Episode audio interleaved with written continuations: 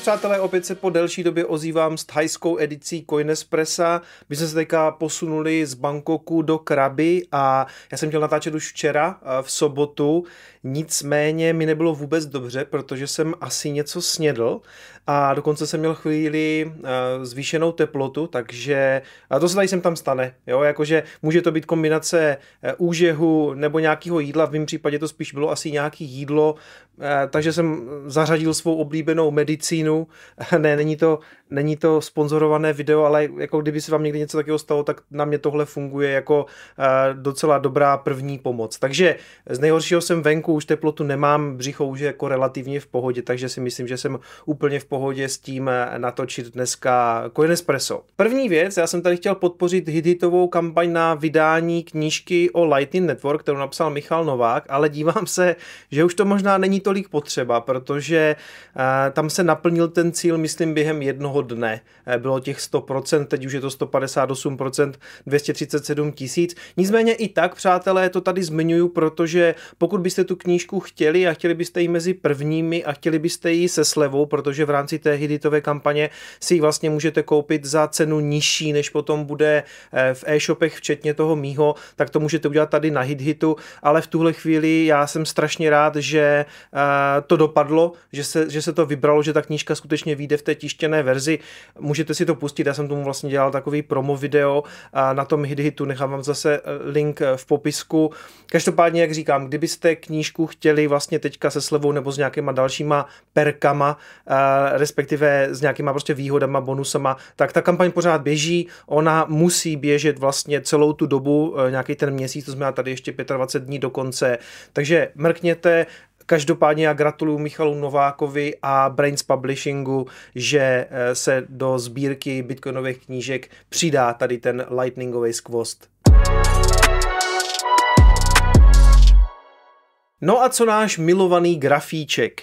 Takže po té korekci, která tam byla, od nějakých 24 na 21,5 Bitcoin vystřelil a dál si zachovává tímto svoje bullish momentum. V podstatě za mě tohle je úplně ideální scénář. Jo? Uděláte prostě ty dva kroky dopředu, jeden krok zpátky, tak aby se to nepřehřálo a můžeme vlastně dál pokračovat. Vidíte, že on teďka útočí na těch 25 tisíc, kde já bych ho rád viděl, aby se nějakým způsobem stabilizoval, respektive aby překonal právě tu, a to je 200 weekly, že jo. Ten ultimátní support, pod který Bitcoin teda nepadá, i když tentokrát spadl.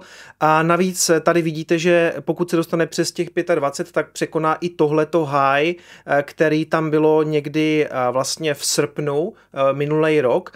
To znamená, vypadá to skutečně, že ten bear trend pro Bitcoin snad skončil. Samozřejmě zase závisí to na těch akcích, ale když se právě teďka třeba podíváte na, na akcie, a, tak ty jsou už pár dní v takové jako mírnější korekci, zatímco Bitcoin, teda jak, jak jsme si teďka tady ukázali, Bitcoin prostě vyletěl, to znamená je to decoupling? Ne, nemyslím si, protože nemůžete na základě dvou denních svíček mluvit o nějakým decouplingu. Nicméně pro Bitcoin určitě pozitivní vývoj.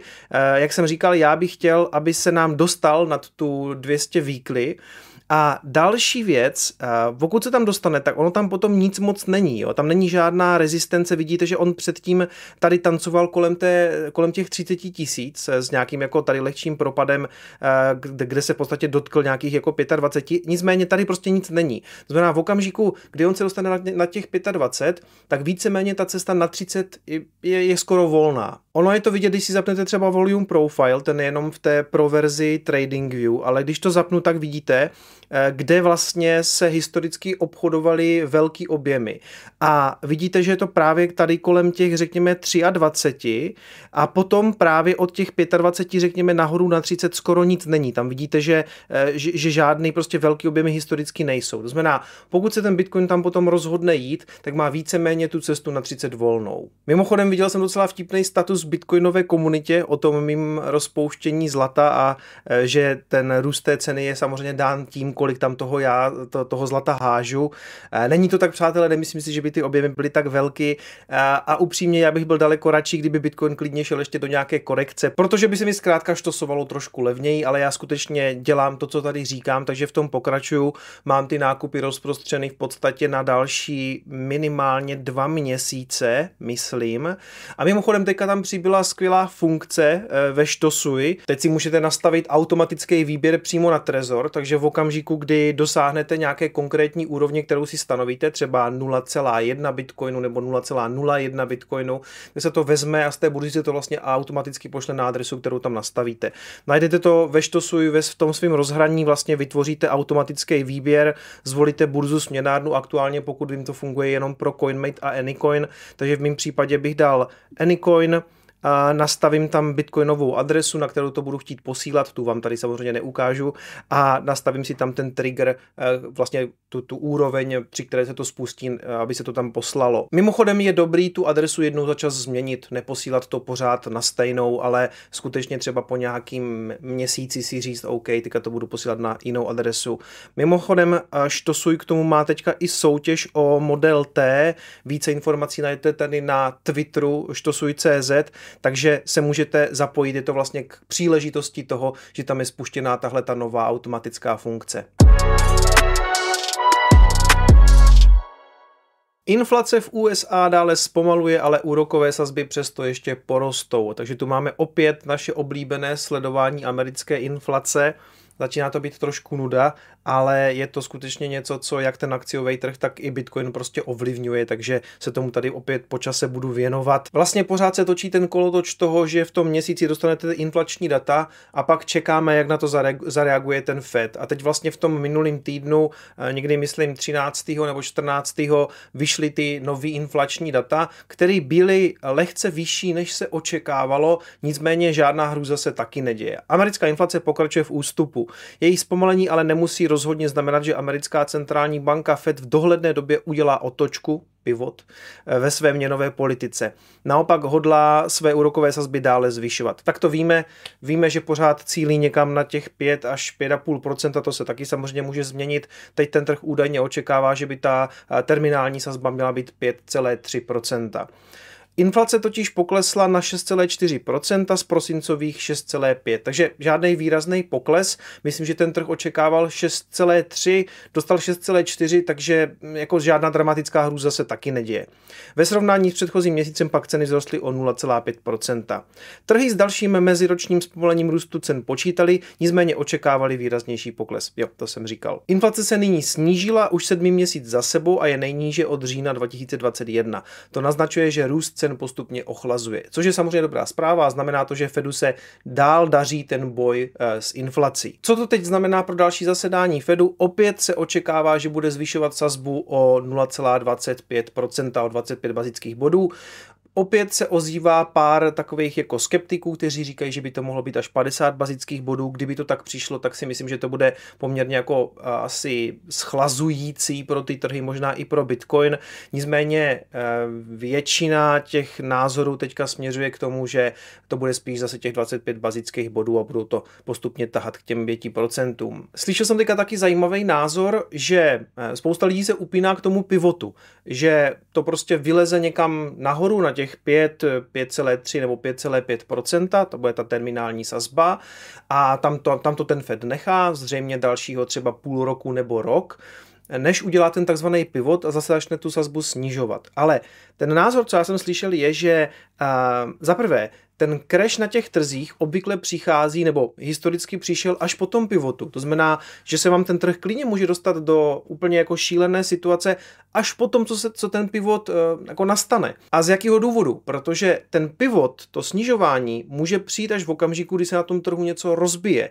Jo, nějaký průser typu uh, Credit Suisse, to jsme měli celý stream, nebo, nebo Bank of Japan, jo, Ně, někde se prostě v tom systému finančním něco porouchá a spustí to nějaký velký problém, který se potom ten Fed snaží právě hasit tím, že udělá ten pivot a začne tu sazbu zase snižovat dolů.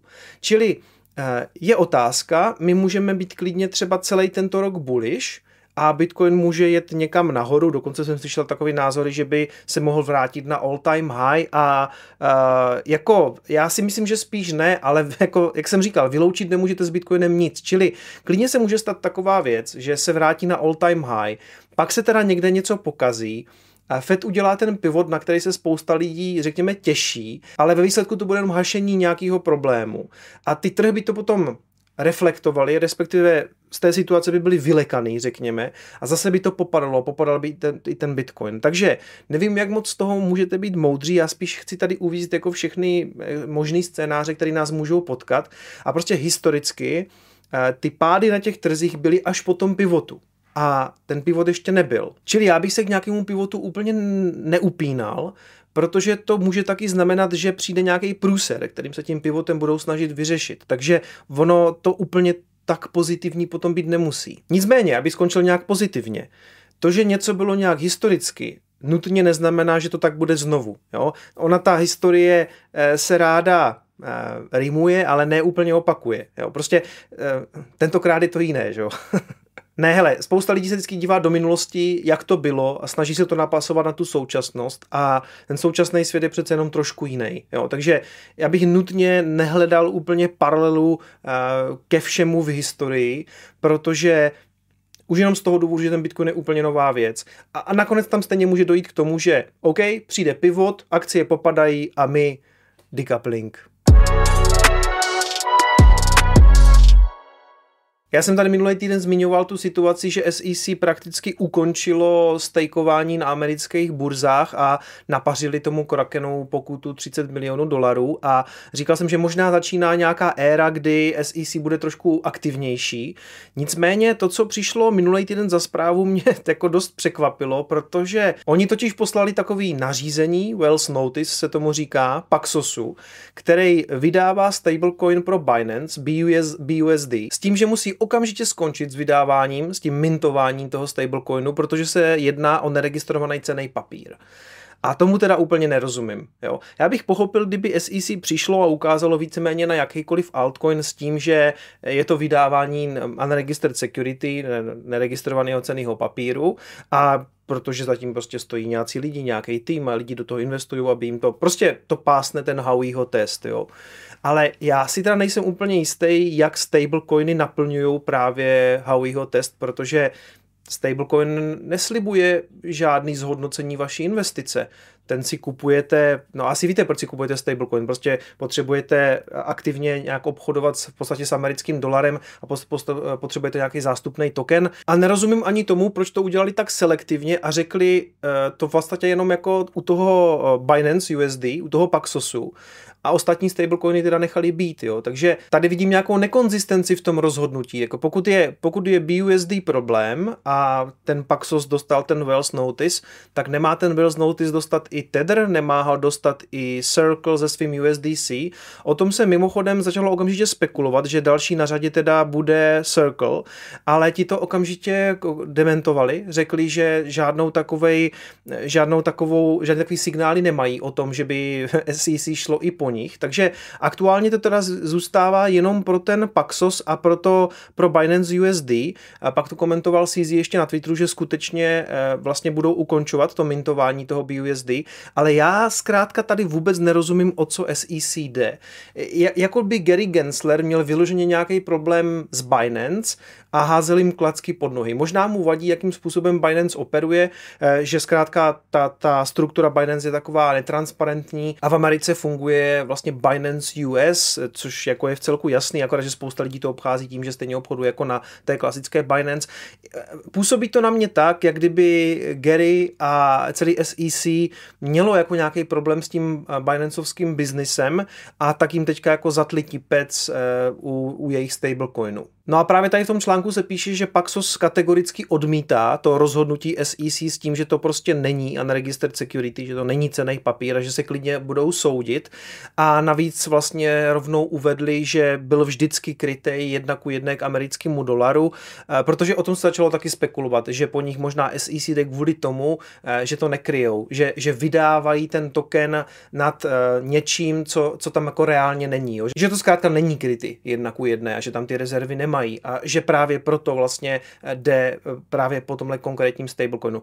To já nevím, je to spekulace. Na mě v tuhle chvíli, jak jsem říkal, to působí tak, že Gary Gensler má prostě problém se CZ a s Binance a, a to je, přijde mi to jak nějaký jako vyřizování účtu, protože pokud to tak není, tak se ptám, proč neútočí i na jiný stablecoiny.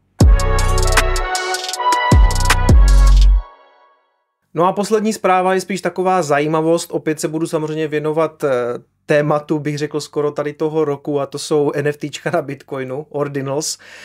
Tady článek od eh, Karla Wolfa, když na Bitcoinovém blockchainu běží dům. V podstatě taková zajímavost, že kromě toho, co všechno teďka zapisují lidi na Bitcoinový blockchain a já si o tom tady samozřejmě můžu myslet cokoliv, nicméně někomu se tam povedlo zapsat dokonce důma. Minulý týden, to už bylo asi dřív, ten článek je starší, ale eh, minulý týden někdo eh, v inskripci 466 vložil na Bitcoinový blockchain blockchain funkční, byť značně minimalistickou variaci na tři dekády staré hry Doom. Nachází se v bitcoinovém bloku 774526 a je pouze 31 KB velká. Technicky za to se kód kompiluje až prohlížeče, ale i tak. Klíčová meta byla pokořena. Po oscilátorech, vědeckých kalkulačkách, poznánkovém bloku z Windows, těhotenských testech či nepříliš povedené hardwareové kryptoměnové peněžence od Johna McAfeeho běží Doom už i na bitcoinovém blockchainu. Hele, zmiňuji toto z toho spíš eh, z toho důvodu, že ty ordinals jsou v tuhle chvíli jako skutečně fenomén. Viděl jsem tam samozřejmě už i komentář od někoho, kdo tam psal, aha, takže NFTčka jinde jsou blbý, ale na Bitcoinu jsou skvělý. Já si nepamatuju, kdybych tady takovou věc řekl. Víte, že já, se, já z té situace s NFTčkama na Bitcoinu nejsem úplně nadšený, protože se právě obávám uh, nějaké mánie. Uh, hele, mně to přijde spíš jako um, taková jako funny možnost, prostě jestli tam chce někdo zapsat Duma, tak jako ze srandy, OK. Jako jestli zaplatí poplatky, což musí ve výsledku, tak vlastně jako za mě proč ne. A ten problém je jiný. Ten, ten problém celou dobu je, že já očekávám, že se může opakovat ta mánie, co byla na uh, Ethereum, uh, s NFTčkama a ptám se, jestli ta mánie s NFTčkama přinesla něco dobrýho pro ten ekosystém. Jestli náhodou z nás neudělala právě jenom takovou tu bandu těch spekulantů, která tam kupovala opice za miliony dolarů a obávám se toho, že něco takového se bude oba, eh, opakovat na Bitcoinu. To je, proč toho nejsem nadšený. Jestli ve výsledku tam ale někdo chce zapsat obrázek nebo, eh, nebo Duma, mně je to v celku jedno, jo? mně se to v podstatě netýká, jo? jako prostě já si tam dál budu dělat svoje transakce finanční, které mě zajímají, a, ale na druhou stranu, pokud tam někdo chce zapsat prostě Duma, tak může. Nicméně chtěl jsem ten článek tady uvést taky z toho důvodu, že Karel Wolf píše velice dobrý články a krásně tady zhrnuje eh, celý ten, celý ten vznik těch ordinals a inscriptions na Bitcoinu, takže doporučuji případně přečíst celý článek, je to zajímavý a je zkrátka i zajímavý, že můžete na Bitcoinový blockchain uložit Duma, i když jako vypadá fakt celku osekaně. Takže tak, to byly takové zajímavosti nebo ty nejdůležitější věci, co se staly ten minulý týden. Uh, už jsem viděl, že se ptáte, kdy bude zase nějaký stream, nebojte se, brzo se ho dočkáte. Viděl jsem tam i komentář někoho, kdo se tak trošku obával, jestli tady už nehodlám zůstat. Ne, nehodlám, přátelé, hodlám se vrátit zpátky, takže nebojte se, Bitcoin, Bitcoinový kanál se zase vrátí do svých starých zaběhlých kolejí a už na to nebudete ani dlouho čekat. Mějte se. Ahoj.